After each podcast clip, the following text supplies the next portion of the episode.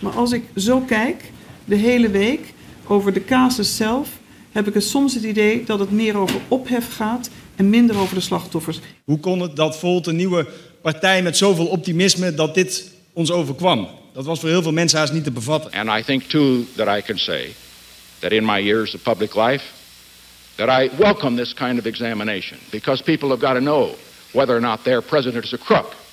Well, I'm not a crook. Dit is Betrouwbare Bronnen met Jaap Jansen.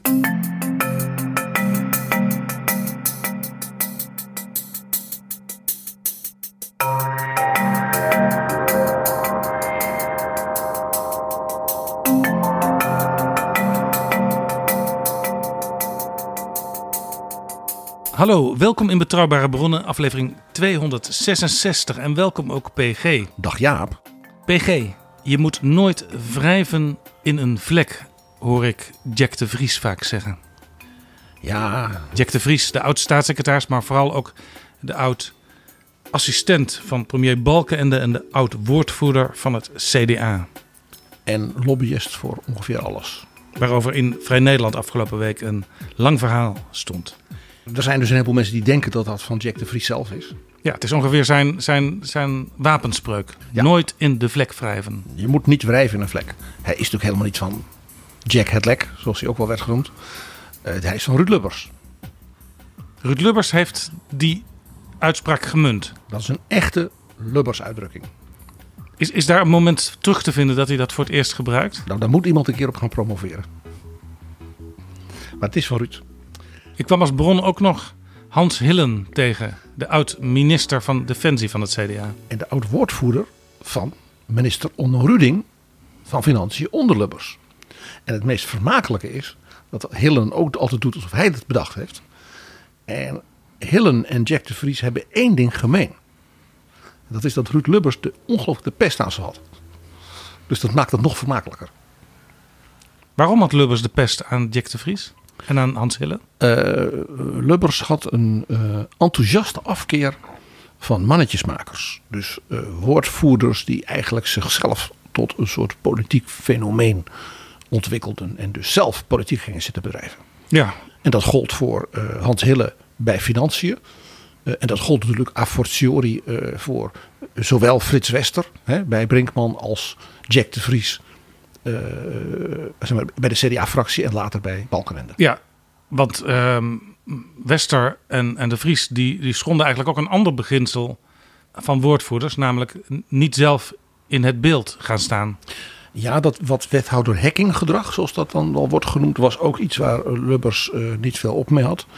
Eh, hij heeft nog in 2009 in een toespraak waar ik bij was bij de Universiteit van Tilburg, eh, heeft hij ook nog weer een aantal buitengewoon wegwerpende opmerkingen gemaakt over mannetjesmakers en spindokters. En iedereen wist wie die bedoelde. En niet wrijven in een vlek. Eh, jij riep meteen afgelopen week dat we het daar eens over moeten hebben, over dat adagium. Eh, de aanleiding was de D66, ja, we zullen het maar MeToo-kwestie noemen. En eenzelfde affaire die speelde in Volt. Ja, je ziet ineens eh, in de Haagse politiek. Er zijn nog een paar voorbeelden die dan wel niet zeg maar, met MeToo te maken hebben. Maar een aantal van die klassieke momenten van. Doe dit nou toch niet. Wrijf toch niet in deze vlek. Daar gaan we over praten. Maar eerst heten we de nieuwe vrienden van de show welkom van de afgelopen dagen. En dat zijn PG. Niels, Raymond, Timo en David. Dank jullie wel. We kregen ook een berichtje binnen van Diederik Hoekstra, vriend van de show. En hij reageert op aflevering 263 over de Amerikaanse burgeroorlog. De derde en laatste aflevering in die serie. Hij zegt, prachtige aflevering. Jammer dat de burgeroorlog er weer op zit. Ik denk dat zowel de mensen in het zuiden. als de vaders en moeders van de soldaten in het noorden. dat niet helemaal met hem eens zijn. En Cornelia, vriend van de show, reageert op de vorige aflevering over Finland. Ben onder de indruk van de Finnen geraakt door deze prachtige aflevering. Ik wens ze van harte welkom bij de NAVO later dit jaar. Bedankt heren. En mag ik zelf nog even erop wijzen dat ik persoonlijk een berichtje kreeg van de grote diva Carita Mattila. Die aan het eind van de aflevering te horen was. En dat ze zei: heel veel dank. Ik vond het een eer om in deze podcast te mogen optreden. Nou, dan is er toch nog iemand die dit eh, heel erg waardeert, PG. En dan nog wel zo iemand. Ik kreeg ook nog een berichtje van Hanze Stedeling. En die zegt: Door het beluisteren van de Finland-aflevering van Betrouwbare Bronnen ben ik onverwacht in Den Bosch terechtgekomen. Niet helemaal de bedoeling, wel de moeite waard. En hij is ook vriend van de show geworden. Hij zei: Dat was ik al langer van plan, maar ik heb het nu eindelijk gedaan. Extra veel waardering dus. En tot slot, PG, is er ook nog een mail binnengekomen van David Joon. Beste Jaap en PG, na maanden luisteren heb ik eindelijk de moeite genomen om me aan te melden als vriend van de show. Ik heb ontzettend veel van jullie opgestoken en heb die kennis zelf kunnen gebruiken in mijn studie communicatie en media aan de Erasmus Universiteit. Hij zegt: Ik moest voor mijn vak Public Diplomacy een paper schrijven met communicatieadvies voor een land. Maar heb ik niet gekozen voor een land, maar voor de Europese Unie. Geïnspireerd door Willy Brandt, We willen meer democratie wagen. Eerst gehoord in jullie podcast, besloot ik een paper te schrijven waarin ik brainstorm hoe de EU dan eindelijk meer informatie kan wagen. En hij is ook hierbij geholpen door het gesprek wat we hadden met Frans Timmermans. David Jones stuurt ook die paper nog even met de mail mee, dus die kunnen we nog lezen. Nou, dank je in ieder geval, uh, uh, David, uh, voor deze opbeurende en stimulerende mail. Jaap, hier doe ik het voor. Dat zo'n jongen als David, hij is 21, meldt hij, in zijn studie dus geïnspireerd raakt en daardoor mooie dingen gaat doen. Daar doen we het voor, Jaap. Echt. En wil jij ook vriend van de show worden? En dat kan met een donatie, klein of groot. Ga dan naar vriendvandeshow.nl slash bb. Dit is Betrouwbare Bronnen. PG, je moet nooit wrijven in een vlek. Dat is de klassieke politieke fout. En toch gebeurt het keer op keer weer. Het is een van die dingen, Jaap, waar jij en ik tegen elkaar en ook misschien wel tegen met bevriende journalisten en ook bevriende politici zo vaak zeggen: waarom doen ze dit nu weer? Je zou toch denken men leert. Nee, men leert blijkbaar toch heel slecht. En daar is wrijven in een vlek, toch doen, een klassiek voorbeeld van. Laten we om te beginnen eens kijken naar D66. Want daar speelde bijna zeven jaar geleden een kwestie. Er was iemand die heel belangrijk was in die partij als talentscout, als leider van de commissie die de, de nieuwe talenten ja, moest waarnemen en ook moest adviseren of die misschien geschikt waren voor bepaalde functies of bijvoorbeeld een plek op de lijst in D66. Dat was Frans van Drimmelen. Nou, daar bleek een affaire te zijn geweest, maar dat die affaire er was geweest, dat werd eigenlijk pas richting de verkiezingen van 2021 duidelijk. En daar is toen een, een onafhankelijk onderzoek ingesteld door het bureau Bing. En dat onderzoek dat kwam tot conclusies en er bleek ook nog een uh, geheim hoofdstuk te zijn wat niet gepubliceerd werd. Het lijkt het rapport over de Gereed Hofmans affaire wel. En dat, dat was ook op verzoek van het slachtoffer dat het niet gebeurde. Uh, maar later zei het slachtoffer, ja, misschien moet het toch wel gepubliceerd worden. Nou, en toen kwam D66 in een, een lastig pakket, want het rapport werd voor de verkiezingen gepubliceerd. Uh, maar dat geheime hoofdstuk, ja, dat was pas af op de avond van de verkiezingen toen de stembussen waren gesloten. En uit dat geheime hoofdstuk bleek dat wat in dat publiek gemaakte gedeelte was gezegd en wat ook door mevrouw Kaag als lijsttrekker was onderstreept, gewoon niet waar was. Dat is natuurlijk heel pijnlijk. En op 16 april, zaterdag, kwam de Volkskrant met een heel lang en groot verhaal. De bijlage die D66 liever voor zichzelf hield, heette dat verhaal. Geschreven door Avinash Biki en Natalie Wrighton. En ja, toen raakte D66 in paniek. Werd er ook geroepen om een reactie van de partijleider Sigrid Kaag.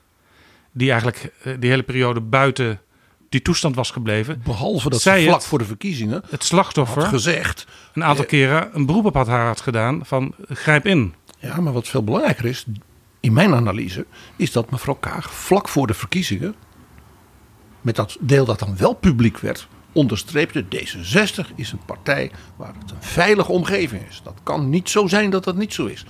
Ik denk dat D66 hier weer een koploper zal worden in hoe je omgaat, ook met het risico van grensoverschrijdend bedrag, verdrag, om dat te voorkomen en aan te pakken en in te grijpen mocht het zich voordoen. En dat geheime stuk, daarin stond gewoon dat het een onveilige omgeving was. Ja, en zij riep ook alle vrouwen van Nederland op, uh, spreek je uit. Laat dit niet meer gebeuren als dit soort dingen plaatsvinden. En citeerde daarbij Madeleine Albright. Vrouwen moeten elkaar ook steunen, dat is ook een belangrijke. Madeleine Albright zei altijd terecht... Uh, de hel heeft een speciaal plekje gereserveerd voor vrouwen... die andere vrouwen niet steunen. Ja, dan vraag je er bijna om, hè? Ja, nou ja, en toen werd er dus uh, alle wegen geroepen om commentaar van Kaag. De Volkskrant had dat natuurlijk ook al gedaan voordat ze hun grote artikel publiceerden. Kaag die ging uh, die week uh, dat, dat haar om commentaar werd gevraagd ook nog naar de Verenigde Staten als minister van Financiën.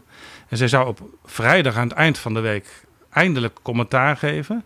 Toen bleek inmiddels dat Frans van Drimmelen had besloten uit de partij te stappen. En dat is volgens de voorzitter van D66 onder zware druk van hem gebeurd. Dus dat is een voorbeeld van jump before you're pushed. En waarschijnlijk uh, had de D66-top die tijd ook nodig om dat allemaal te bewerkstelligen. En toen zei Kaag ineens: Ik ga morgen samen met de partijvoorzitter commentaar geven. En dat was donderdag, een dag eerder dan ze het oorspronkelijk zou doen. En in die persconferentie, die notabene een uur duurde... je hebt vaak van die verklaringen en dan mogen dan wel of niet nog een paar vragen worden gesteld. Maar hier mochten heel veel vragen worden gesteld. En de Volkskrant greep het ook aan om alle vragen die tot dan toe door Kaag niet beantwoord waren... dan maar in één keer allemaal in die persconferentie te stellen. Dat zouden jij en ik als journalist ook doen. Ja. In die persconferentie zei Kaag ook nog... ja, ik heb last van een jetlag. Maar ze had er dus wel zelf blijkbaar voor gekozen... om het niet op de vrijdag te doen, maar al een dag eerder. Kortom, hier zien we een classic van wrijven in een vlek. Je gaat een onderzoek doen. Dat onderzoek dat komt naar buiten en daar zeg je iets van. Maar dan blijkt er een geheime bijlage te zijn waar het omgekeerde in staat.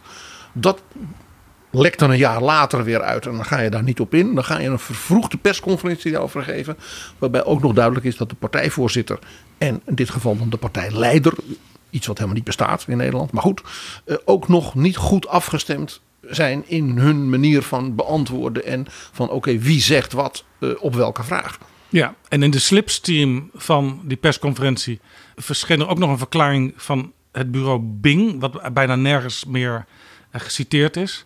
Uh, maar die zeggen, ja, er is eigenlijk helemaal geen verschil tussen wat oorspronkelijk gepubliceerd is en die bijlagen. Want in het oorspronkelijk gepubliceerde stond ook niet dat het allemaal veilig was in D66. Nou, was dat oorspronkelijke rapport, dat was een, een, een enerzijds anderzijds rapport. Je kon er van alles in lezen. Dus in die zin. Was wat Bing in feite zei ja. hiermee, is dat de verklaring van mevrouw Kaag vlak voor de verkiezingen feitelijk onjuist was.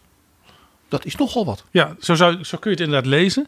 En Annemarie Spierings, dat is de partijvoorzitter. De vorige. Die de afgelopen jaren verantwoordelijk was. Uh, uh, zeg maar voor de afhandeling van de kwestie en voor de inroeping van dat onderzoek. Want de huidige voorzitter, Victor Everhard, die is pas sinds november in functie. Die, die weet ook waar hij aan begonnen is, ja. Maar die mevrouw Spierings, die, die heeft ook nog een verklaring uh, gedaan. En dat was dan weer intern in D66, dat was niet openbaar. Uh, ja, er is wel druk op mij uitgeoefend om snel te handelen. Dus in feite schopt zij de bal, bal weer terug richting de mensen rond Kaag. Ja, waarbij ze dan ook nog zegt van dat mevrouw Kaag uh, geen enkel verwijt te maken is. Wat natuurlijk merkwaardig is, want ze is geen partijvoorzitter meer. Ja. Ze heeft dus die hele periode. Uh, was zij er niet bij. Dus in feite, elke stap die er wordt gezet, die roept weer nieuwe vragen op. Ja, en dat is dus het klassieke wrijvende vlek. dat je elke activiteit, uh, uiting, communicatie, non-communicatie, ja, uh, over een bepaalde kwestie, de kwestie als het ware alleen maar groter maakt of complexer maakt, of kwestieuzer maakt, of dat de ene vraag beantwoord wordt en als een soort monster van Hydra, van Hercules, er ineens tien koppen uit die vraag ontstaan van weer tien andere journalisten. Dat zag je ook letterlijk op die persconferentie, waarbij mevrouw Kaag ook haar irritatie uh, ten opzichte van, ja, ik heb toch alles al beantwoord, en niet kon onderdrukken. En ook begon de journalisten te verwijten dat ze, het, dat ze vooral met ophef bezig waren. Maar als ik zo kijk, de hele week over de casus zelf heb ik het soms het idee dat het meer over ophef gaat en minder over de slachtoffers. Ik vind het niet moeilijk om mijn excuses aan te, ik vind het niet moeilijk om het excuses aan te bieden. Het spijt mij. Nou, dat is wat de Duitsers zo mooi noemen een medienschelte. Het schelden op de media tegen de media, waar ze bij zijn als ze jou ook kritische vragen stellen. Dat is bijna altijd dodelijk. Ja. Is er een manier om dit wel goed te doen, PG? Ik heb als journalist heel vaak eh, grote internationale uh, persmomenten meegemaakt. waar je dan als journalist of geen vraag mocht stellen, of misschien eh, dat drie media alle drie één vraag mochten stellen en dus ook geen vervolgvragen mochten stellen. En dat leidde altijd tot frustratie. En bij zo'n zaak, waar op een gegeven moment het hele land, eh, ook in alle talkshows mee bezig is, ja, je moet iets als partij. Maar wat, wat, wat kun je dan het beste doen? Nou, het eerste wat je moet doen is dat je degene die, ik zal maar zeggen, de eerste verantwoordelijkheid heeft, de ruimte geeft om bijvoorbeeld in een gedegen statement op papier te zeggen: dit is de situatie. En vervolgens dat, die, dat zo iemand bereid is dat toe te lichten. Maar dat is, ik ben natuurlijk heel ouderwets, hè, dat weet je Jaap, ik ben van de oude politiek. Die mevrouw Kaag, die had gewoon niks moeten zeggen. Al niet vlak voor de verkiezingen. Want nu zegt meneer Bing in feite dat ze uit de nek kletste. Uh, dat, is, dat is mooi. Hè. De kiezer is dus door mevrouw Kaag vlak voor de verkiezingen iets beweerd over de D60 een hele mooie partij is. Dat blijkt niet te kloppen. Dat is niet leuk. Maar... En vervolgens is ze nu minister van Financiën. Ze is op geen enkele wijze verantwoordelijk, politiek, bestuurlijk, inhoudelijk, voor die meneer van Drimmelen. Of uh, wat er met stagiairs gebeurd is, of wat dan niet. Dan moet je je ook dus niet zelf naar voren schuiven. Alsof jij de, mag ik zeggen, de morele en politieke instantie bent die hierover gaat. Want dan word je extreem kwetsbaar. Maar uh, je kunt er als, als leider waarschijnlijk niet helemaal onderuit om iets te zeggen. Dat hoeft dan misschien niet uit jezelf te komen. Maar in verkiezingstijd, in campagnetijd, staat er op elke hoek van de straat een journalist met een microfoon die er een vraag over kan stellen. Ja, en dan moet je zeggen: ik ben de lijsttrekker voor de Kamerverkiezingen van bijvoorbeeld volgende week. En dit is een kwestie van het partijbestuur. Ja, je moet het en dus ik heb daar leggen waar het hoort. En ik heb alle vertrouwen in mevrouw Spierings, want die pakt dat zeer grondig aan. Wacht u nu rustig af. Je moet op zo'n punt het idee dat leiderschap iets is als dat je alles naar jezelf toe moet trekken, dat, is, dat heeft iets egomaans. En is ook eigenlijk niet democratisch. Uh, een partijleider bestaat in Nederland in dat opzicht ook niet. En je ziet dus ook dat, dat de ontwikkeling daarvan ertoe leidt dat uh, het functioneren van dat soort mensen. Zie nu wat met mevrouw Ploemen gebeurde. Dus onder druk komt te staan doordat er een soort, nou, een soort presidentieel uh, stempel op die mensen wordt gedrukt. Alsof ze in het Witte Huis zitten van de PvdA of van D66 of zo. Terwijl ze dat niet zijn. Nee, nu speelde hier in deze specifieke kwestie wel iets rond Kaag zelf. Want deze talent scout, Frans van Drimmelen, wordt ook door veel mensen uh, in D66 gezien als de persoon die heeft bijgedragen aan het naar voren schuiven als potentiële leider, in ieder geval in eerste instantie als ministerskandidaat in 2017 van Sigrid Kaag. Dus je zou kunnen redeneren, Sigrid Kaag heeft iets aan hem te danken. Nou ja, is nog een kleine finesse. De D66-aanvoerder, die Kaag uh, thuis in Libanon heeft benaderd om terug te keren naar Nederland om in de politiek te gaan doen, was een medewerker van het lobbybureau van de heer Van Drimmelen, Ingrid van Engelshoven. Dus er zit. Een oud medewerker, want zij was toen in die tijd wethouder. In wethouder, maar ze was dus heel lang uh, partner in dat bureau geweest. Dus er zit ook iets in, ik zal maar zeggen, de, de, de inner circle van D66, wat als het ware zeg maar, sterk verbonden is met die man en zijn bureau. En op dat punt zou het natuurlijk heel verstandig zijn van partijbestuur. Van nu, hè, better safe than sorry, zoals dat heet. Om op dat punt uh, gewoon de eigen interne organisaties heel, heel kritisch te bekijken. Of dat soort, zeg maar, vriendenclubs, of hoe je het verder noemen wil. Uh, of je daar niet wat meer openheid en misschien ook wat meer diversiteit, letterlijk en figuurlijk, in zou moeten betrachten. Ja, want, want nu uh, lijkt het, en misschien is het ook wel zo, uh, dat dat bureau, Drug en Van Drimmelen, een soort uh, commerciële tak van D66 was. Ja, een soort alternatief partijbureau. Wat alleen natuurlijk niet gecontroleerd werd. Niet door de leden en ook niet door het bestuur. Dat is iets wat eigenlijk zichtbaar is geworden door deze affaire. En wat natuurlijk het meest opvallende is, dat als je denkt, nou, die partij heeft blijkbaar allemaal van, van dat soort professionals op dat gebied van lobby en communicatie en public affairs in hun top zitten en rond hun top zitten. En dat je dan zo onvoorstelbaar amateuristisch te werk gaat. En dat je bijvoorbeeld zo'n mevrouw Kaag niet weerhoudt van zo'n slechte, goed, niet goed voorbereide en door jetlag vermoeide persconferentie. Ja, en het gevaar is natuurlijk als alles in het teken staat van uh, de beeldvorming positief beïnvloeden en dus ook elk klein dingetje in dat kader behandeld wordt, eh, dan kan een affaire wel eens zo groot worden dat zo'n partij er op een gegeven moment zelfs electoraal aan ten onder gaat. Het is wel vaker gebeurd dat doordat men een soort mm, obsessie in bepaalde fasen had met zeg maar, wat jij noemt de beeldvorming, dat dus die beeldvorming als het ware ja, met zichzelf aan de haal gaat. De beeldvorming wordt zelf een aspect van de beeldvorming. We hadden het even over Ruud Lubbers en zijn enthousiaste afkeer van spindokters. Dat heeft daarmee te maken. Jaap, er was in die persconferentie nog iets. Ook zo'n zeg maar, zo'n voorbeeld voor de journalistiek. Mensen dat, die, zijn, die, die dan weet, ze zijn in een vlek aan het wrijven. Mevrouw Kaag treedt op. Nou, ze was niet helemaal klemvast, zullen we maar zeggen. Nee, en ze ging eigenlijk al voor de derde of vierde keer uh, een soort herhaling van zetten doen. Ja, en ze had die partijvoorzitter en die man, dat is natuurlijk geen professionele politicus. Dat kon je ook zien. Nou, die, hij is die deed wet- zijn best. Hij is eh, eh, ik geloof zelfs twee perioden wethouder geweest in Utrecht. En hij was nu al een paar jaar wethouder in Amsterdam. Nou, laat ik maar nog niks zeggen over het lokaal bestuur in Nederland, Jaap. Eh, en terwijl die dus wat staat te schutteren, duikt er ineens iemand op. En dat bleek een lid van het partijbestuur te zijn. En die had het, vond het nodig om ook nog weer te gaan te interrumperen. Om te gaan vertellen wat zij ervan vond. Ja, dan. Je hebt dus de partijvoorzitter. Je hebt dan de zelfbenoemde partijleider. En dan verschijnt er ineens nog Ja. iemand. En toen was het tijd blijkbaar eh, voor de woordvoerder... die natuurlijk de, persconferentie bijeengeroepen had... Felix Klos, om er een eind aan te maken. Maar toen eh, was al ruim een uur gesproken. Dan zeg ik er nog weer iets bij. Hij is woordvoerder van de fractie. In de Tweede Kamer. Die in het geheel niet aan de orde is hier.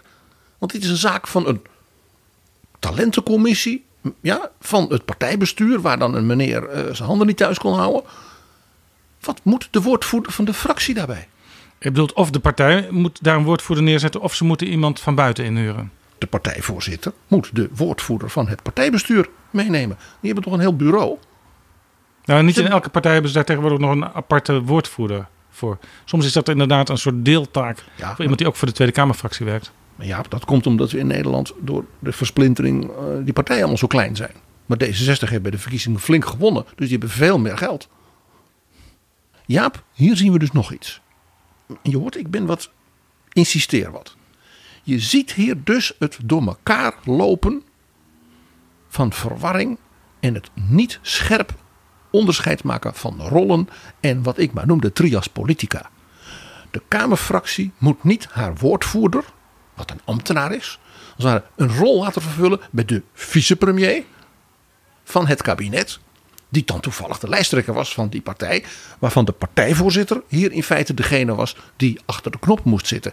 En wat daarmee dus zichtbaar werd, was één ding. Heerlijk natuurlijk voor de journalistiek. Dat die partijvoorzitter heel duidelijk niet achter de knoppen zat. Een mooi voorbeeld dus inderdaad van wrijven in een vlek.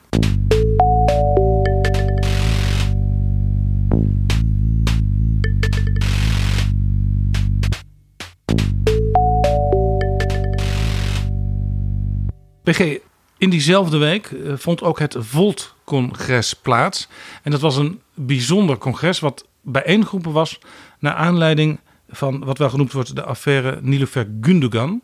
Dus dat was een congres dat door de leden was afgedwongen, min of meer, Ja, eh, van het partijbestuur. Want ook hier speelde een, een, een soort van MeToo-affaire. Althans, daar werd Gundogan beschuldigd eh, ja, eh, van, van dingen richting medewerkers van de fractie, van de partij. Maar hier speelt, belangrijk punt om meteen hè, die rollen ook van de trias politica te onderscheiden. Hier speelde dus een conflict binnen de Tweede Kamerfractie van Volt. Ja, Dat is dus weer iets anders hè, dan eh, wat bij D66 speelde. ja.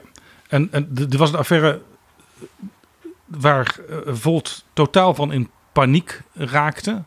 Het gaat natuurlijk ook over iets eh, waarvoor in Nederland nog heel weinig eh, protocollen bestaan. Wat ook de reden is dat het kabinet Mariette Hamer heeft aangezocht als regeringscommissaris eh, om hier eh, onderzoek naar te doen en aanbevelingen te geven over hoe wij in Nederland eh, op, op alle niveaus eigenlijk eh, met dit soort kwesties zouden moeten omgaan. We zijn daar niet zo goed in in Nederland. Zo blijkt ook in de televisiewereld en in de sportwereld. En het zit overal. En Volt eh, wilde dit heel zuiver aanpakken en juist daardoor ging het mis. En dat is natuurlijk de overeenkomst in een zeker opzicht met D66. Hè, Een partij die ook zichzelf, net als mevrouw Kaag in D66, nog presenteert als eh, squeaky clean en fris en jong. Ja, en nieuw onbedorven. leiderschap, zei Kaag. En Ja, onbedorven. Volt eh, zelfs een hele nieuwe partij, waar- die zelf zeggen... wij zijn de enige Europese partij in Nederland. En dan gebeurt er zoiets. Welkom allemaal op eh, dit extra congres. We zitten in woelige wateren. Dat, eh, daar wil ik maar gelijk mee beginnen. En het wordt een spannende dag. Maar dat geeft niet, want wij zijn Volt. En als er iets is wat ons bindt vandaag, dan is dat dat we allemaal graag verder willen met Volt. Dus hoe gaan we dat doen? Eigenlijk was het natuurlijk gewoon een hele onsmakelijke incompatibiliteit des humeurs in een fractie van drie mensen. Die blijkbaar niet de volwassenheid konden opbrengen, eh, alle drie zal ik maar zeggen, eh, eh, om als nieuwe club op een enthousiaste en constructieve manier vooral met elkaar om te gaan. Ja, en om elkaar ook aan te spreken als er klachten waren van hoe zit dat en wat gaan we hier aan doen. En elkaar een beetje aanmoedigen en elkaar een beetje vasthouden. En elkaar ook een, een rol gunnen binnen dat driekoppige fractiesysteem. Ja, en eh, dat dan meneer Dassen de fractieleider is en dat die mevrouw door haar nogal zeg maar flamboyante parlementaire optreden, laat ik het zo zeggen, eh, laat ik zeggen, in de kijker speelt. Dat je dan als fractieleider zegt, eh, het is het allermooiste voor een leider als de mensen om hem of haar heen nog beter zijn dan hij. Je weet wat ze altijd van Amerikaanse presidenten zeggen. De beste presidenten zijn die presidenten die mensen in hun kabinet benoemen en in hun Witte Huisstaf die nog veel briljanter zijn dan zijzelf. Hè, Franklin Roosevelt, beroemd voorbeeld. Nou, eh, Laurens Dassen is dus geen FDR, kunnen we dan vaststellen. En ja, die mevrouw Gundogan is misschien ook wel een, eh, was misschien wel een, een, een, een handful, zoals de Amerikanen zouden zeggen. Eh, die die was niet makkelijk in de omgang. En ook Ja. hier zag je, eigenlijk net als bij D66 in die rampzalige week, eh, dat elke nieuwe stap bij Volt nieuwe vragen opriep. En niet alleen bij de media, maar ook bij de leden zelf, net als bij D66. Ja, want wat natuurlijk bij Volt het nog lastiger maakte, is dat dus anders dan D66 Volt geen zeg maar geoefende organisatie is met eh, een traditie en een historie en eh, zal maar zeggen een op elkaar ingespeeld partijbestuur en dat soort dingen. Hè. Vandaar dat mijn verbazing over het ongelooflijke amateurisme bij D66. Bij Volt kun je nog zeggen, ja, ja, ze zijn er net. Maar ja, aan de andere kant, hun imago is natuurlijk van zeer intelligente, eh, moderne jongeren die van aanpakken weten. Nou, dat viel allemaal een beetje tegen. Eh, eh, jij zei al, het was paniek. Eén ding was in ieder geval in dat congres duidelijk: dat het congres had geen leiding. Nee, dat was een heel merkwaardig congres. Ik zat eh, dat eerste uur te kijken. Het duurde nog een tijdje voordat het begon. Dus dan, dan vermoed je altijd allerlei dingen achter de schermen die op het laatste moment nog gaande zijn. Maar toen was er een mevrouw, die heette iedereen welkom. Die bleek niet van het bestuur te zijn, maar van het Europese bestuur. Maar wel Nederlands te spreken. Dus een Nederlandse mevrouw die niet verantwoordelijk was voor het, zeg maar, de partij Volt in Nederland. Ja, en toen ging op een gegeven moment het scherm aan. En toen sprak een van de twee co-voorzitters. En die bleek in Zuid-Afrika te zijn. Wat natuurlijk heel merkwaardig is als je een heel belangrijk congres hebt. dat dan eh, de voorzitter, de co-voorzitter, er niet is. Eh, en in de loop van het congres trad hij ook nog af. En de andere co-voorzitter, die er helemaal niet was, die trad ook nog af. Dus de co-voorzitter is niet aanwezig fysiek op het congres. Maar meent dat het een goed idee is om dan via een scherm van Zuid-Afrika uit leiding aan het congres te geven. Ja, het was heel merkwaardig. Eh, Hoe zeg je dit? Heb ik letterlijk nog nooit meegemaakt. Als je er niet bent, ben er dan niet en zorg voor een goede vervanger. Zou je dan toch denken. Zeker als je met twee co-voorzitters bent.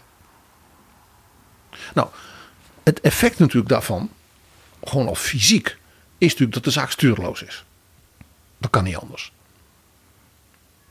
En dat betekent dus dat die fractie van hè, de Kamer, van Volt, die nu uit twee mensen bestaat, ja, dat die daar als het ware in een soort vacuüm bevraagd ging worden door leden. En ja, die vragen konden natuurlijk maar over één ding gaan.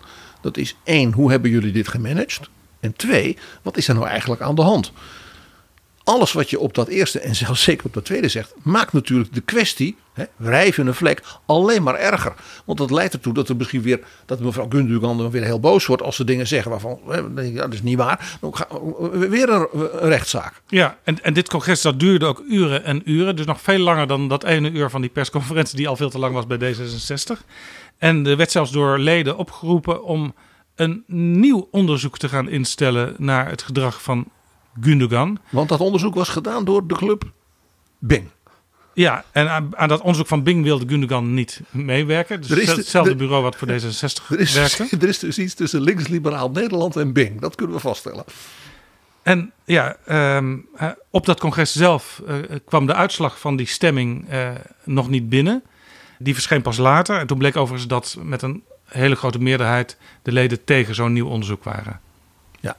Maar inmiddels waren die co-voorzitters afgetreden. Waarom eigenlijk? Nou ja, die, die, die co-voorzitters, eh, Peter Paul de Leeuw, die dus in Zuid-Afrika bleek te zijn, en Sascha Muller, die, ja, die zeiden: We zijn eigenlijk overwerkt, daar komt het op neer. Het is, het is ons allemaal zo eh, zwaar geworden dat wij om die reden al niet door kunnen. Dus die trokken het gewoon niet meer hun functie. Nee. Ah, dat maakt het natuurlijk allemaal nog veel. Ja, inderdaad, wrijven en vlekkeriger. Dan, is er dus helemaal geen leiding meer. De zaak valt als het ware ter plekke waar je bij staat uit elkaar. De afgelopen weken waren voor heel veel mensen ontzettend pijnlijk. Sommige leden hebben mij laten weten dat ze met pijn in het hart toekeken en dachten aan alle tijd en energie die ze in onze partij hebben gestoken. Mensen waren beduust en ellendig van het beeld wat Volt in de media had. Hoe kon het dat Volt een nieuwe partij met zoveel optimisme dat dit ons overkwam? Dat was voor heel veel mensen haast niet te bevatten. En toen, ja, toen gebeurde er ook nog iets en daar wil ik toch even op wijzen. En dat was toch wel een uitermate, eh, eh, nou, mag ik zeggen, kwestieus iets. En dat is dat de fractieleider aan het congres vertelde dat ze er echt alles aan hadden geprobeerd om aan die kwestie te doen. En dat hij onder andere dus contact had op, opgenomen met Mariette Hamer, dus de nieuwe regeringscommissaris, op dit terrein. En onmiddellijk bleek dat Mariette Hamer zegt: dat moet een misverstand zijn. Ik weet van niks. Eh, vervolgens heeft het partijbestuur, ook weer, hè, hier zien we dus die, diezelfde totale verwarring van rollen. De fractieleider zegt iets, waarvan dus de betrokken zeg maar, regeringsfunctionaris, want daar hebben we het dan over gezegd, ik weet van niks, dit is een misverstand. Op het partijbestuur dan, na enige tijd, zegt ja, ja, ja, nee, we begrijpen dat het een appje is geweest. Ja, dit kan niet. Dan breng je Mariette Hamer ook in een onmogelijke positie. Want wat doe je hier? Je steunt, neem ik aan, de benoeming van mevrouw Hamer tot regeringscommissaris. Op een uitermate gevoelig ja, terrein, waarin ook grote emoties, maar ook de privacy en de rechtsbescherming van burgers in het geding is. Daarom dat het verstandig is dat je iemand als mevrouw Hamer daar neerzet. En wat doe je? Ze zit nog nauwelijks een week op die plek. Of een partijleider gaat op zijn partijcongres de functie van mevrouw Hamer en als het ware haar meedenken, dus misschien zelfs haar, haar wijze adviezen, inzetten impliciet in een interne strijd. Ja, in feite eh, maak je dan misbruik van eh, de al dan niet betrokkenheid van de regeringscommissaris voor jouw eigen positie binnen de partij. Ja. Als je dat accepteert, ja, dan, eh, laat ik zeggen, dan zijn natuurlijk de rapen gaar. Je instrumentaliseert dan in die kwestie het functioneren van Mariette Hamer. Ja. Die van niets weet en die dus daar ook letterlijk en figuurlijk onschuldig aan is. Dan maak je haar positie onmogelijk. Dus uitermate, nou het woord dom is nog niet eens eh, genoeg. Zeer, zeer kwalijk. Ja. En dat betekent, denk ik persoonlijk, dat mevrouw Hamer eigenlijk dus naar haar twee ministers, dat is mevrouw Van Gennep, Sociale Zaken, en Robert Dijkgraaf van OCW, van emancipatiebeleid, want die hebben haar aangezocht voor die functie, dat zij in feite bij die twee ministers moet zeggen van, op wat voor manier kunnen wij het nu zo bewijzen, een soort, ja, gedragscode-achtig iets, dat zij dus niet speelbal wordt van allerlei situaties in allerlei, bijvoorbeeld politieke partijen. Ja, want er kan bij wijze van spreken elke week zo'n situatie zich voordoen. Stel je voor dat haar partijgenote Adje Kuiken haar nu belt van kun jij nog eens met Gijs van Dijk praten? Dit is natuurlijk funest Ja, voor de, zowel de objectiviteit als de, ik zal maar zeggen, onpartijdigheid van zo'n regeringscommissaris in een zo ongelooflijk gevoelige materie. Zowel de kwestie in D66 als de kwestie in Volt.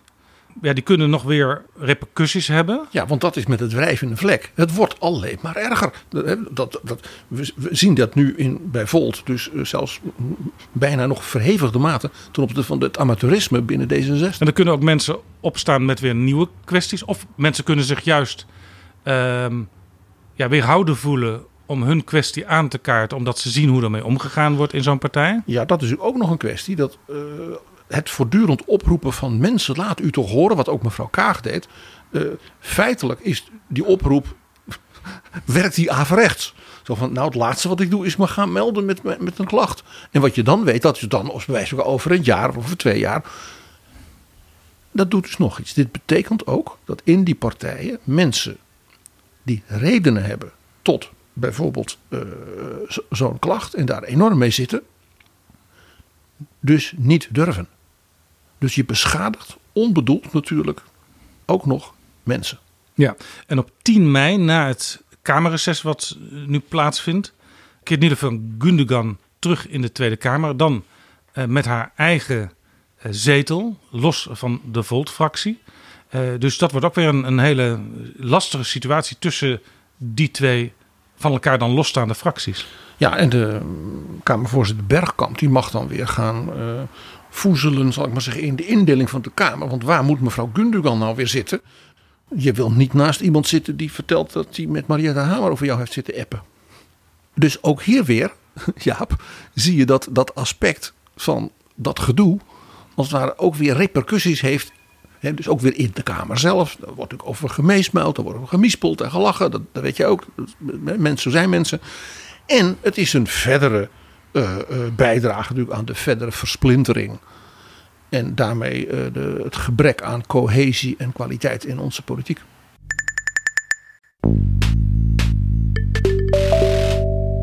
Dit is Betrouwbare Bronnen, een podcast met betrouwbare bronnen.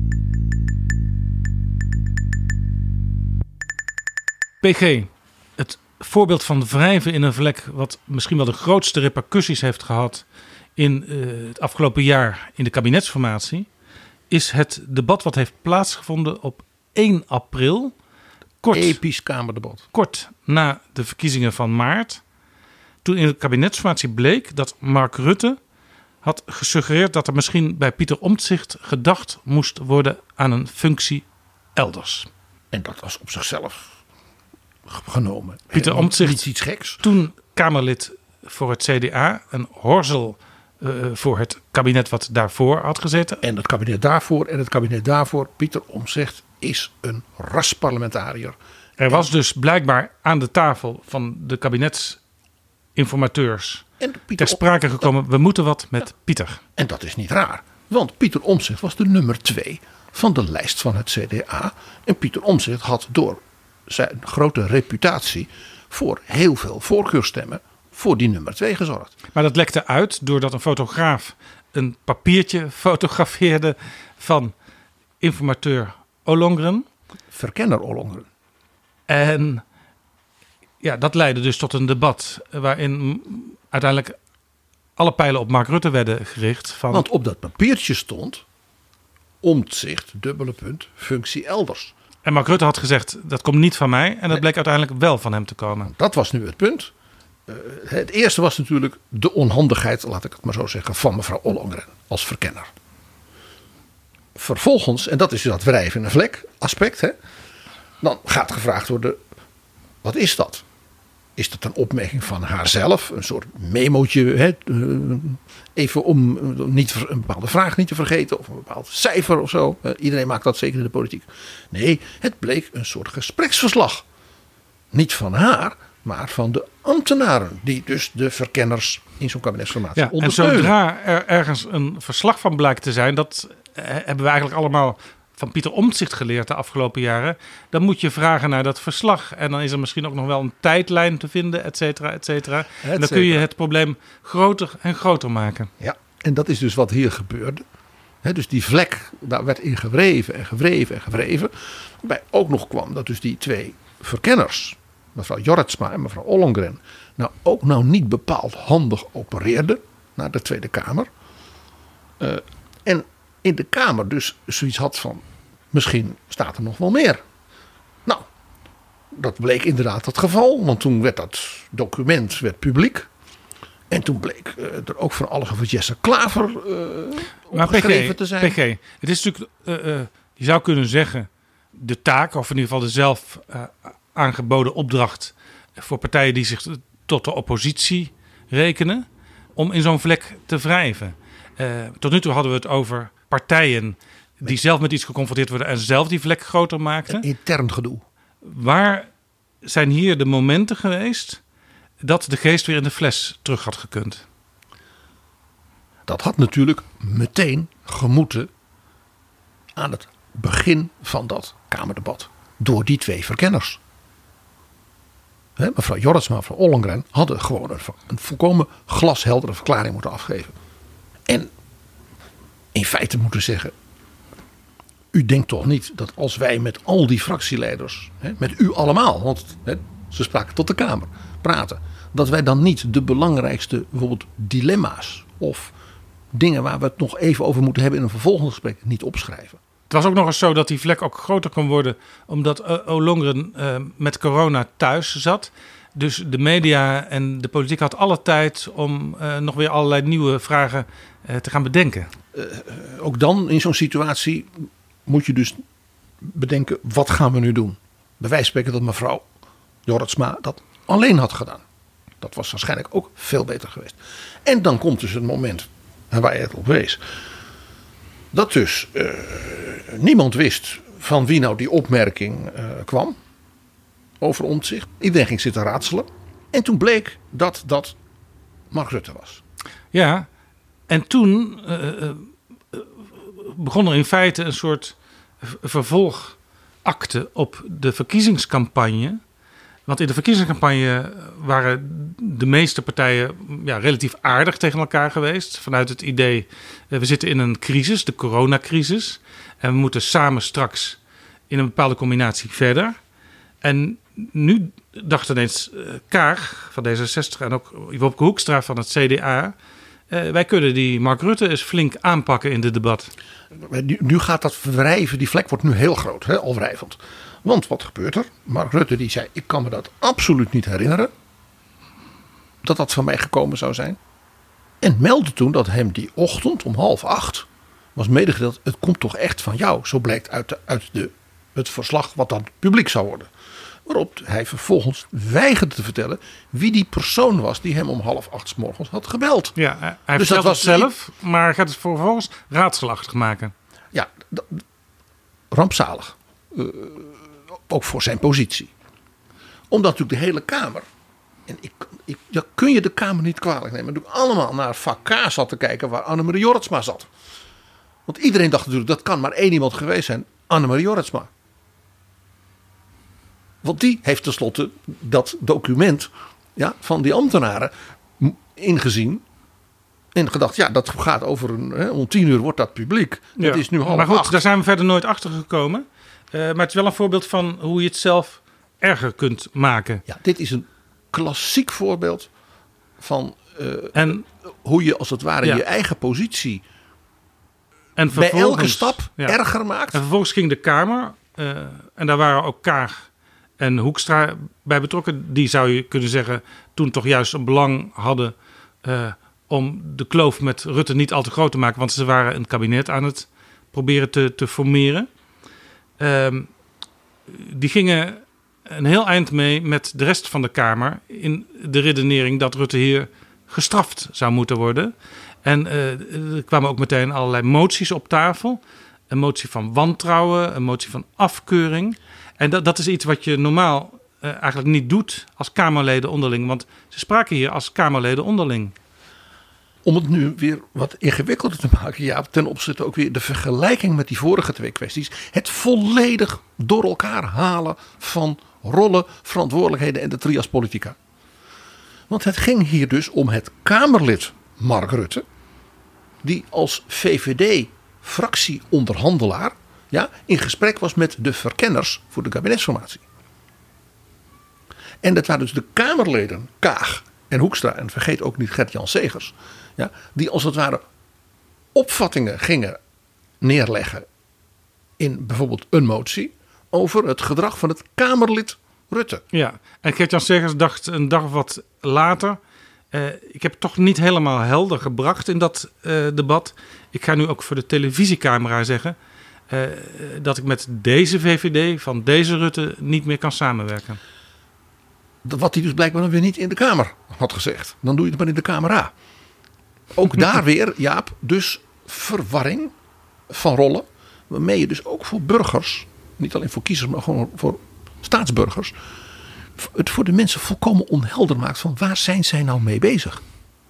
En dat was natuurlijk een punt wat we in die hele kabinetsformatie daarna heeft dat doorgewerkt. Die mensen zijn alleen maar met zichzelf en elkaar bezig en niet met de noden van het land. Ja, en de Kamer liet zich hier ook uh, op sleeptouw nemen, zei Joop van den Berg later in een aflevering van Betrouwbare Bronnen, door Geert Wilders. Uh, die natuurlijk vaak gesproken heeft over een nep-parlement. En als het maar even kan, probeert hij, ja, laat, laat maar zeggen, anti-parlementaire sentimenten aan te wakkeren. En hier bleek de Kamer dus niet te beseffen dat zij trapten in de val die Wilders had neergezet. Ja, dat gesprek daarover uh, met Joop van den Berg kan ik iedereen, zeker nu ook weer een jaar later, dat dit gebeurd is in de terugblik, van harte aanbevelen. Nou ja, je zag dus dat de Kamer zelf een beetje de greep op het proces kwijtraakte. Dat is altijd bij dit soort dingen. Dan spelen we net van die dingetjes. Hè. We zagen het ook bij die vorige uh, kwesties. Dat de Kamer op dat moment eigenlijk een beetje zoals dus Volt zonder leiding zat. Ja, want uh, er moest uh, een nieuwe Kamervoorzitter worden gekozen. Dat gebeurt altijd na verkiezingen. En ja, uiteindelijk zou voorzitter Ariep, maar dat gebeurde pas zes dagen later niet herkozen worden, maar trad Vera Bergkamp van D66 aan als Kamervoorzitter. Ja, dus de allereerste bijeenkomst van de Kamer na de verkiezingen met he, alle fractieleiders. Om te praten van wat voor soort verkenner of misschien meteen een, of, een enorme overwinning is meteen een formateur. He, dat kan ook, kan allemaal, maar dat wordt met elkaar besproken. Vroeger ging dat de koningin dat, nu deed en doet Ariep dat. Ja.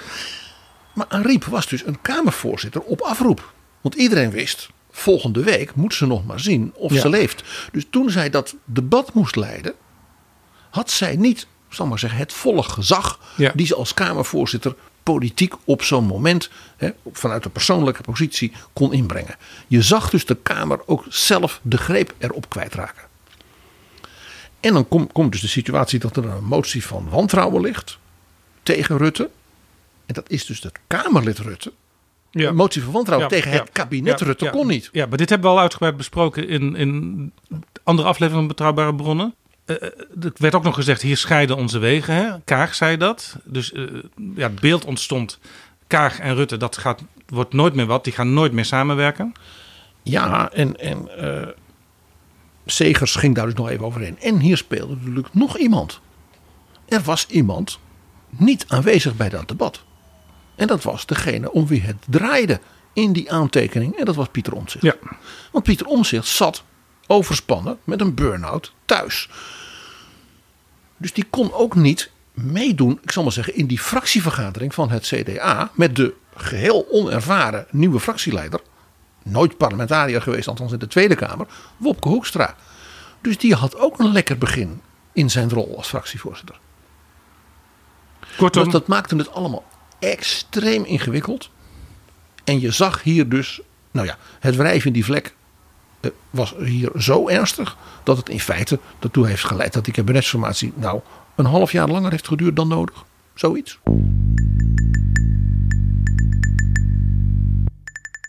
PG, jij noemde al de naam Pieter Omtzigt.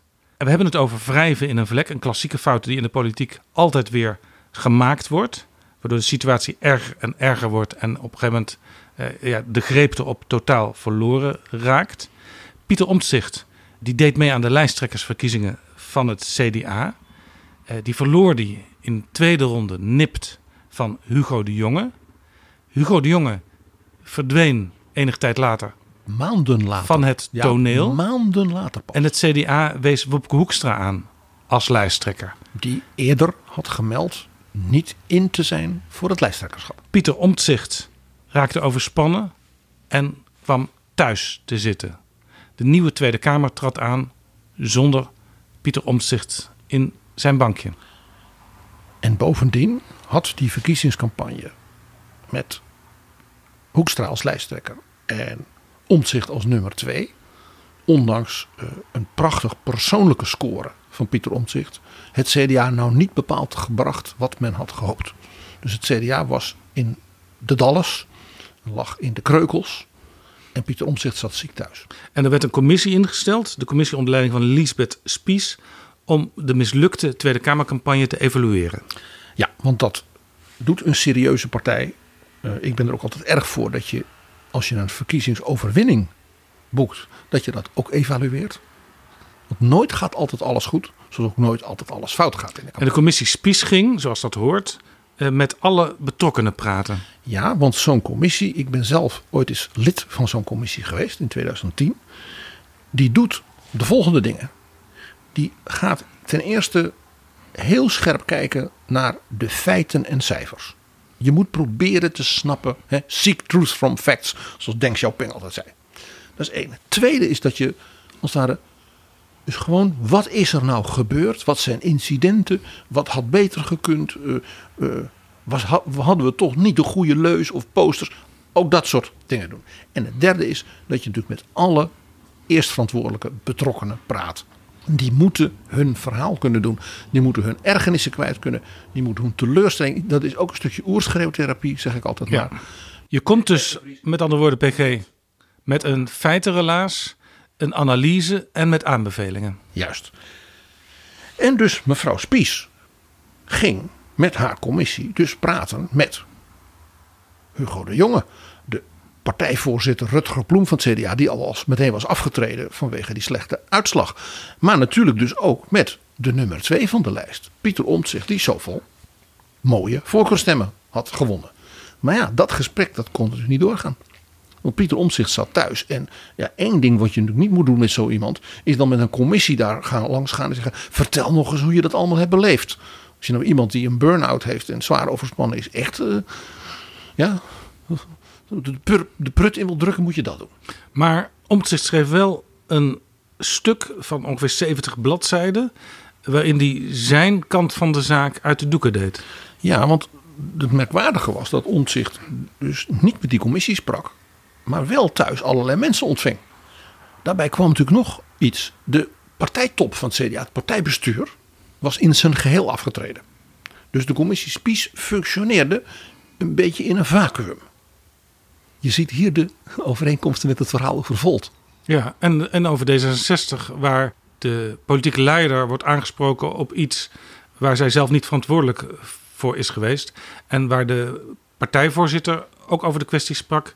eh, die plaatsvond in een periode waarin hij nog geen partijvoorzitter was. En de oude partijvoorzitter, die er niet meer over gaat. Nou, je, je ziet hem, hè? Je ziet hem. Ja. De- je ziet het patroon wat bij wrijf in effect dus vaak gebeurt. Verwarring van verantwoordelijkheden en rollen en vacuüm. Ja, want je zag ook bij de presentatie van dat rapport Spies.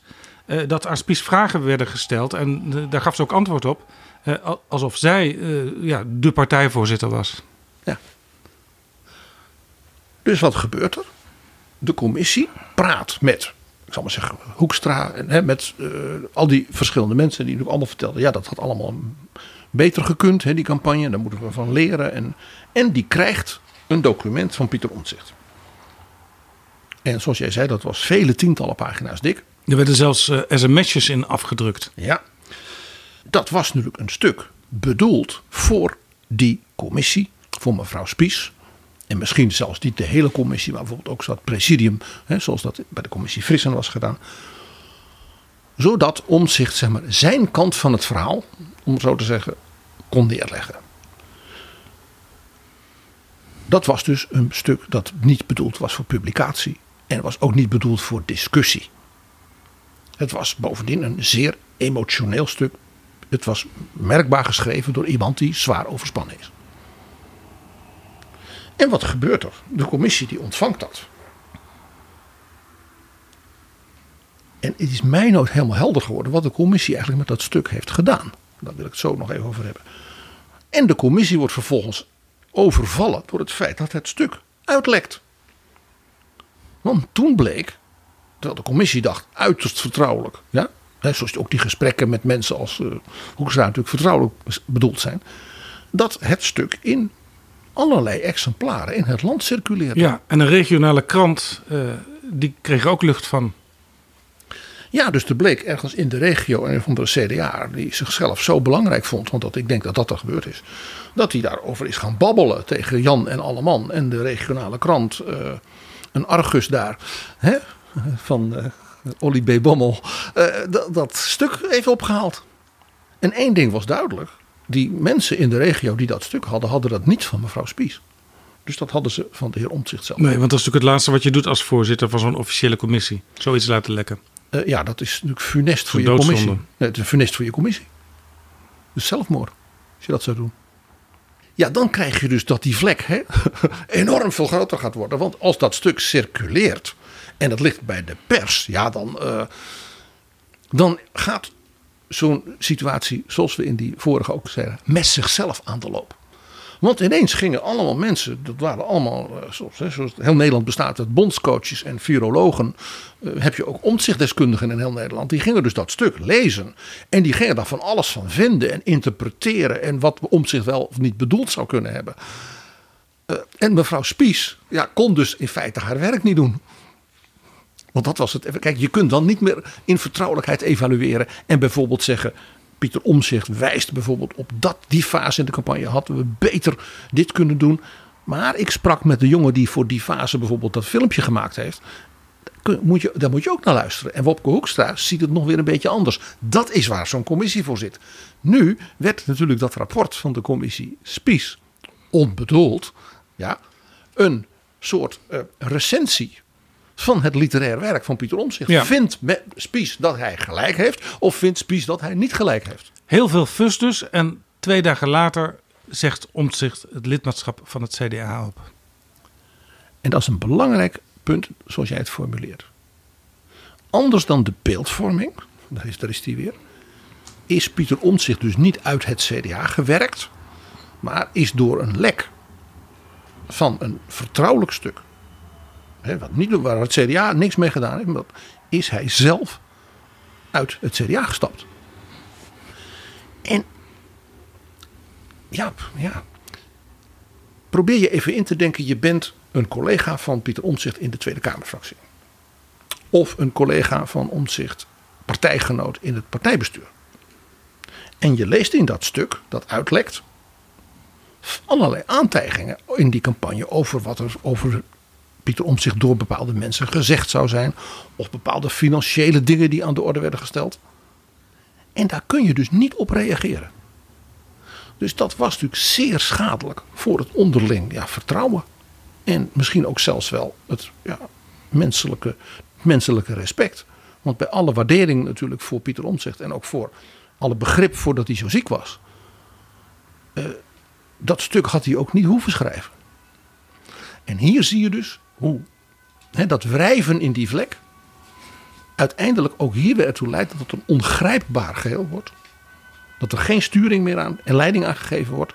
En je zag dus die commissie Spies, ook in feite, ja, ze kwam wel met een rapport. Maar dat rapport kon helemaal niet meer de werking hebben, de functie die het had. Want het kon maar op één manier gelezen worden door de buitenwacht, door de media, als krijgt omzicht gelijk of niet. En daar ging het natuurlijk niet om. Dit is Betrouwbare Bronnen. PG, heel vaak als er in Nederland een affaire opdoemt, dan krijgt hij een naam. En dan hoor je bijvoorbeeld Ruttegate of Omtzigt-gate. En dat komt natuurlijk van de Watergate-affaire in de Verenigde Staten. Watergate betekent trouwens waterpoort. Het is een hotel, een gebouw met allerlei uh, kamers. En je kunt er ook kantoorruimte huren. En een hele mooie, chique appartementen aan de Potomac rivier. Ja, het heeft ook een beetje de vorm van een poort, dus vandaar dat Watergate. En het staat vlak naast het Kennedy Center. Het grote, uh, zeg maar, concertgebouw Annex Opera van de stad Washington. Die is gebouwd ook ter herinnering aan de president. En blijkbaar heeft de Watergate-affaire zoveel indruk gemaakt ons in de media. dat we al snel iets een puntje-puntje gate noemen, ook in Nederland. Ja. En Jaap, het is precies 50 jaar geleden. Dus ik kondig als het ware. We zijn natuurlijk al een beetje begonnen hè, met Nixon in China en eh, Kissinger in China. We gaan de komende maanden nog een paar keer met Richard Nixon mee. Precies 50 jaar geleden. In die epische verkiezingsstrijd. Ja, want in 1972 waren er presidentsverkiezingen aanstaande. En in de nacht van 17 juni 1972 werden vijf mannen gearresteerd tijdens een inbraak in het hoofdkantoor van de Democratische Partij. En dat was gevestigd in dat Watergate-complex. En later zou blijken dat de inbrekers op 28 mei, dus drie weken eerder, al in het hoofdkantoor geweest waren. En daarbij hadden ze documenten gefotografeerd en is afluisterapparatuur geplaatst. Om dus de Democraten in de gaten te kunnen houden. Ja, want de Democratische Partij had vanwege die verkiezingen in aantocht en de convention, hè, de voorverkiezingen, dus tijdelijk uh, wat kamers gehuurd in dat Watergate-gebouw voor wat secretariaatsmedewerkers. En daar was een vergaderplek en een soort werkkamer voor de partijvoorzitter. Die partij is in Amerika natuurlijk heel iets anders dan bij ons. Die hebben niet een enorm groot hoofdkantoor. Die organisaties zijn relatief klein. En de Democraten, de oppositie, die zaten dus in Watergate.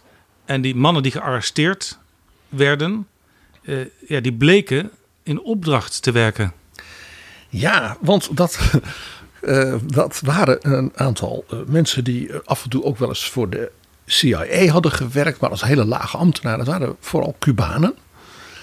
En hun feitelijke opdrachtgever, alleen dat kon toen niet nog meteen naar buiten komen, had een prachtige naam. Dat was het Comité voor de Herverkiezing van de President. Committee to Re-elect the President, samengevat CREEP. Je verzint het niet. nou, Watergate is voor mij het ultieme wrijven in een vlek gebeuren. Want als president Richard Nixon, nou die volgende dag uit de krant had vernomen en van een stafmedewerker even een berichtje had gehad van ja, ze hebben een paar Cubanen opgepakt en die bleken daarbij dat hoofdkantoor van de DNC in Watergate en ja, het is niet ondenkbaar dat uh, een van de ondermedewerkers bij Creep die jongens wat geld heeft toegestapt om dat te doen. Wat had ook de president moeten doen? Hij had moeten zeggen, zijn ze nou helemaal belatafeld? En die had moeten zeggen, die onderknuppel van de Creep-commissie ontslaan. ontslaan. Uh, die uh, Cubanen, nou, die zullen wel door de rechter uh, vanwege inbraak worden veroordeeld. En als er nog iets is, na mijn herverkiezing in november, dan doe ik toch altijd een paar pardons. En dan geef ik die mensen wel. Maar wat deed Nixon? Hij beweerde bij hoog en bij laag dat hij daar helemaal niks mee van doen had. En hij ging zelf vanuit het Witte Huis met zijn directe staf het toedekken, de zogenaamde cover-up van wat hier nou echt aan de hand was geweest, organiseren. Hier zag je dus opnieuw de verwarring van rollen, verantwoordelijkheden en de trias politica. Wat ook interessant was, was dat de politieke journalistiek er eigenlijk aanvankelijk niks in zag in het, deze het was kwestie. ook niks. En er waren twee stadsverslaggevers van de Washington, van de Washington Post. Post. Bob Woodward en Carl Bernstein. En uh, ja, die gingen aan draadjes trekken en die zagen dat er steeds meer tevoorschijn kwam. De politieke journalistiek van Washington, de pundits, die hadden zoiets van: wat, dit is echt helemaal niks. Dit stelt niks voor. Het stelde ook niks voor. Het meest vermakelijke is dat die afluisterapparatuur in die telefoons ze hadden gedaan, die deden het niet heel erg goed. Dus het enige wat ze hoorden waren of tuutgeluidjes of dan soms een secretaresse die een broodje bestelde of even met haar vriendin afsprak om na het werk ergens een borrel te gaan drinken. Dat was alles wat ze hadden uh, gekregen. Nou was het natuurlijk niet helemaal uitgesloten dat uh, als bijvoorbeeld die lui voor de rechter waren gekomen of als uh, journalisten, want er gaan altijd journalisten zich ermee bemoeien, dat er toch wel lijntjes bleken te lopen naar Richard Nixon naar het Witte Huis. Alleen misschien juist omdat de politieke journalistiek het niet als een kwestie zag, eh, was het heel snel als een nachtkaars uitgegaan als Richard Nixon er onmiddellijk 100% afstand van had genomen. Ja, en even had laten ingrijpen door de baas van Creep. De baas van Creep was niet zomaar iemand. Dat was John Mitchell. En wat was die? Dat was de minister van Justitie onder Nixon. En was een oud collega van hem, met wie hij had gewerkt op een advocatenbureau in New York. Hij was echt een vertrouweling. Dus Nixon had die John Mitchell gewoon, en die stond bekend als een zeer stevige, harde manager, zijn werk moeten laten doen. Ja, dat is een beetje makkelijk gezegd, PG. Want John Mitchell, eh, die, die bleek eh, toen, toen die mannen de eerste keer in dat Watergate-complex waren geweest, ja, bleek eigenlijk helemaal niet tevreden over wat ze eh, hadden meegenomen. En hij stuurde ze nog een keer naar Watergate. Zo Dus, dus hij zat er echt tot, tot in zijn nek in.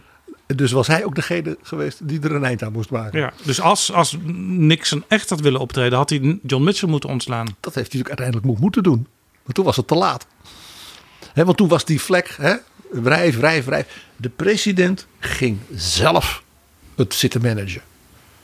En dat werd zijn ondergang. Hè, toen kwam dus dat beroemde moment. Toen was hij al herkozen. Hè, een enorme verkiezingsoverwinning. is ook iedereen vergeten. Dat Watergate heeft geen enkele impact gehad op die verkiezingscampagne. En toen heeft hij die beroemde toespraak gehouden van... Ja, en de pers die zit maar... Dinges, en Laten we even luisteren. Let me just say this, and I want to say this to the television audience. I made my mistakes, but in all of my years of public life, I have never profited, never profited from public service. I've earned every cent. And in all of my years of public life, I have never obstructed justice. And I think, too, that I can say that in my years of public life, that I welcome this kind of examination because people have got to know whether or not their president is a crook. Well, I'm not a crook. volk van Amerika heeft er recht op om te weten of hun president een schurk is. Ik ben geen schurk. Als nou één ding voor de Amerikanen helder was. En waarom ze in zekere zin om Richard Nixon ook twee keer tot president hadden gekozen. Was dat Richard Nixon een boef was. Tricky Dicky was zijn bijnaam. Hij was een keiharde en buitengewoon begaafde politicus. Om dan dus te gaan doen alsof je als er de vroomheid en de integriteit zelf bent, ja, dan roep je het over je af. Ja. Mag ik citeren? Er is een speciale plek in de hel voor vrouwen die niet opkomen voor andere vrouwen. Daar doet dit aan denken. En eh, Nixon werd bedreigd met een impeachment-procedure. En, om En te- die ging dus niet over Watergate. Die ging niet over die inbraak. Die impeachmentprocedure ging over het feit, hè, wat de beroemde vraag was van senator Howard Baker, een republikein. What did the president know and when did he know it? Dus het ging over het feit dat hij het zelf ging zitten managen. En ze zeiden natuurlijk moet de president als een crisis in zijn regering het is merken. Maar wanneer begon het? En naarmate het onderzoek verder ging en die bandjes ook nog naar buiten kwamen, hè, ook zo dom, werd dus duidelijk dat die president als het ware de ochtend na de inbraak al was begonnen met het proberen te managen van de kwestie. Dat hij geprobeerd had de CIA en de FBI als het ware tegen elkaar uit te spelen zodat er geen onderzoek zou komen.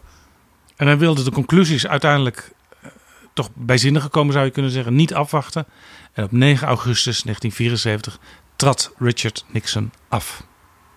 Het ultieme wrijven in een vlek in de moderne politieke geschiedenis. En het komische is dat, dat al die voorbeelden die wij in deze aflevering hebben besproken, PG, ja, dat zijn allemaal voorbeelden van wrijven in een vlek, waardoor het steeds erger wordt. En dat waarschijnlijk de meeste journalisten die dan zo'n kopje puntje puntje gate boven zo'n artikel in de krant zetten, misschien niet, zich niet eens realiseren dat de oorsprong daarvan ook kwam van een belangrijk voorbeeld van wrijven in een vlek. Ja. En je zag hier dus dat Richard Nixon dezelfde fout maakte als Sigrid Kaag. Dankjewel, PG.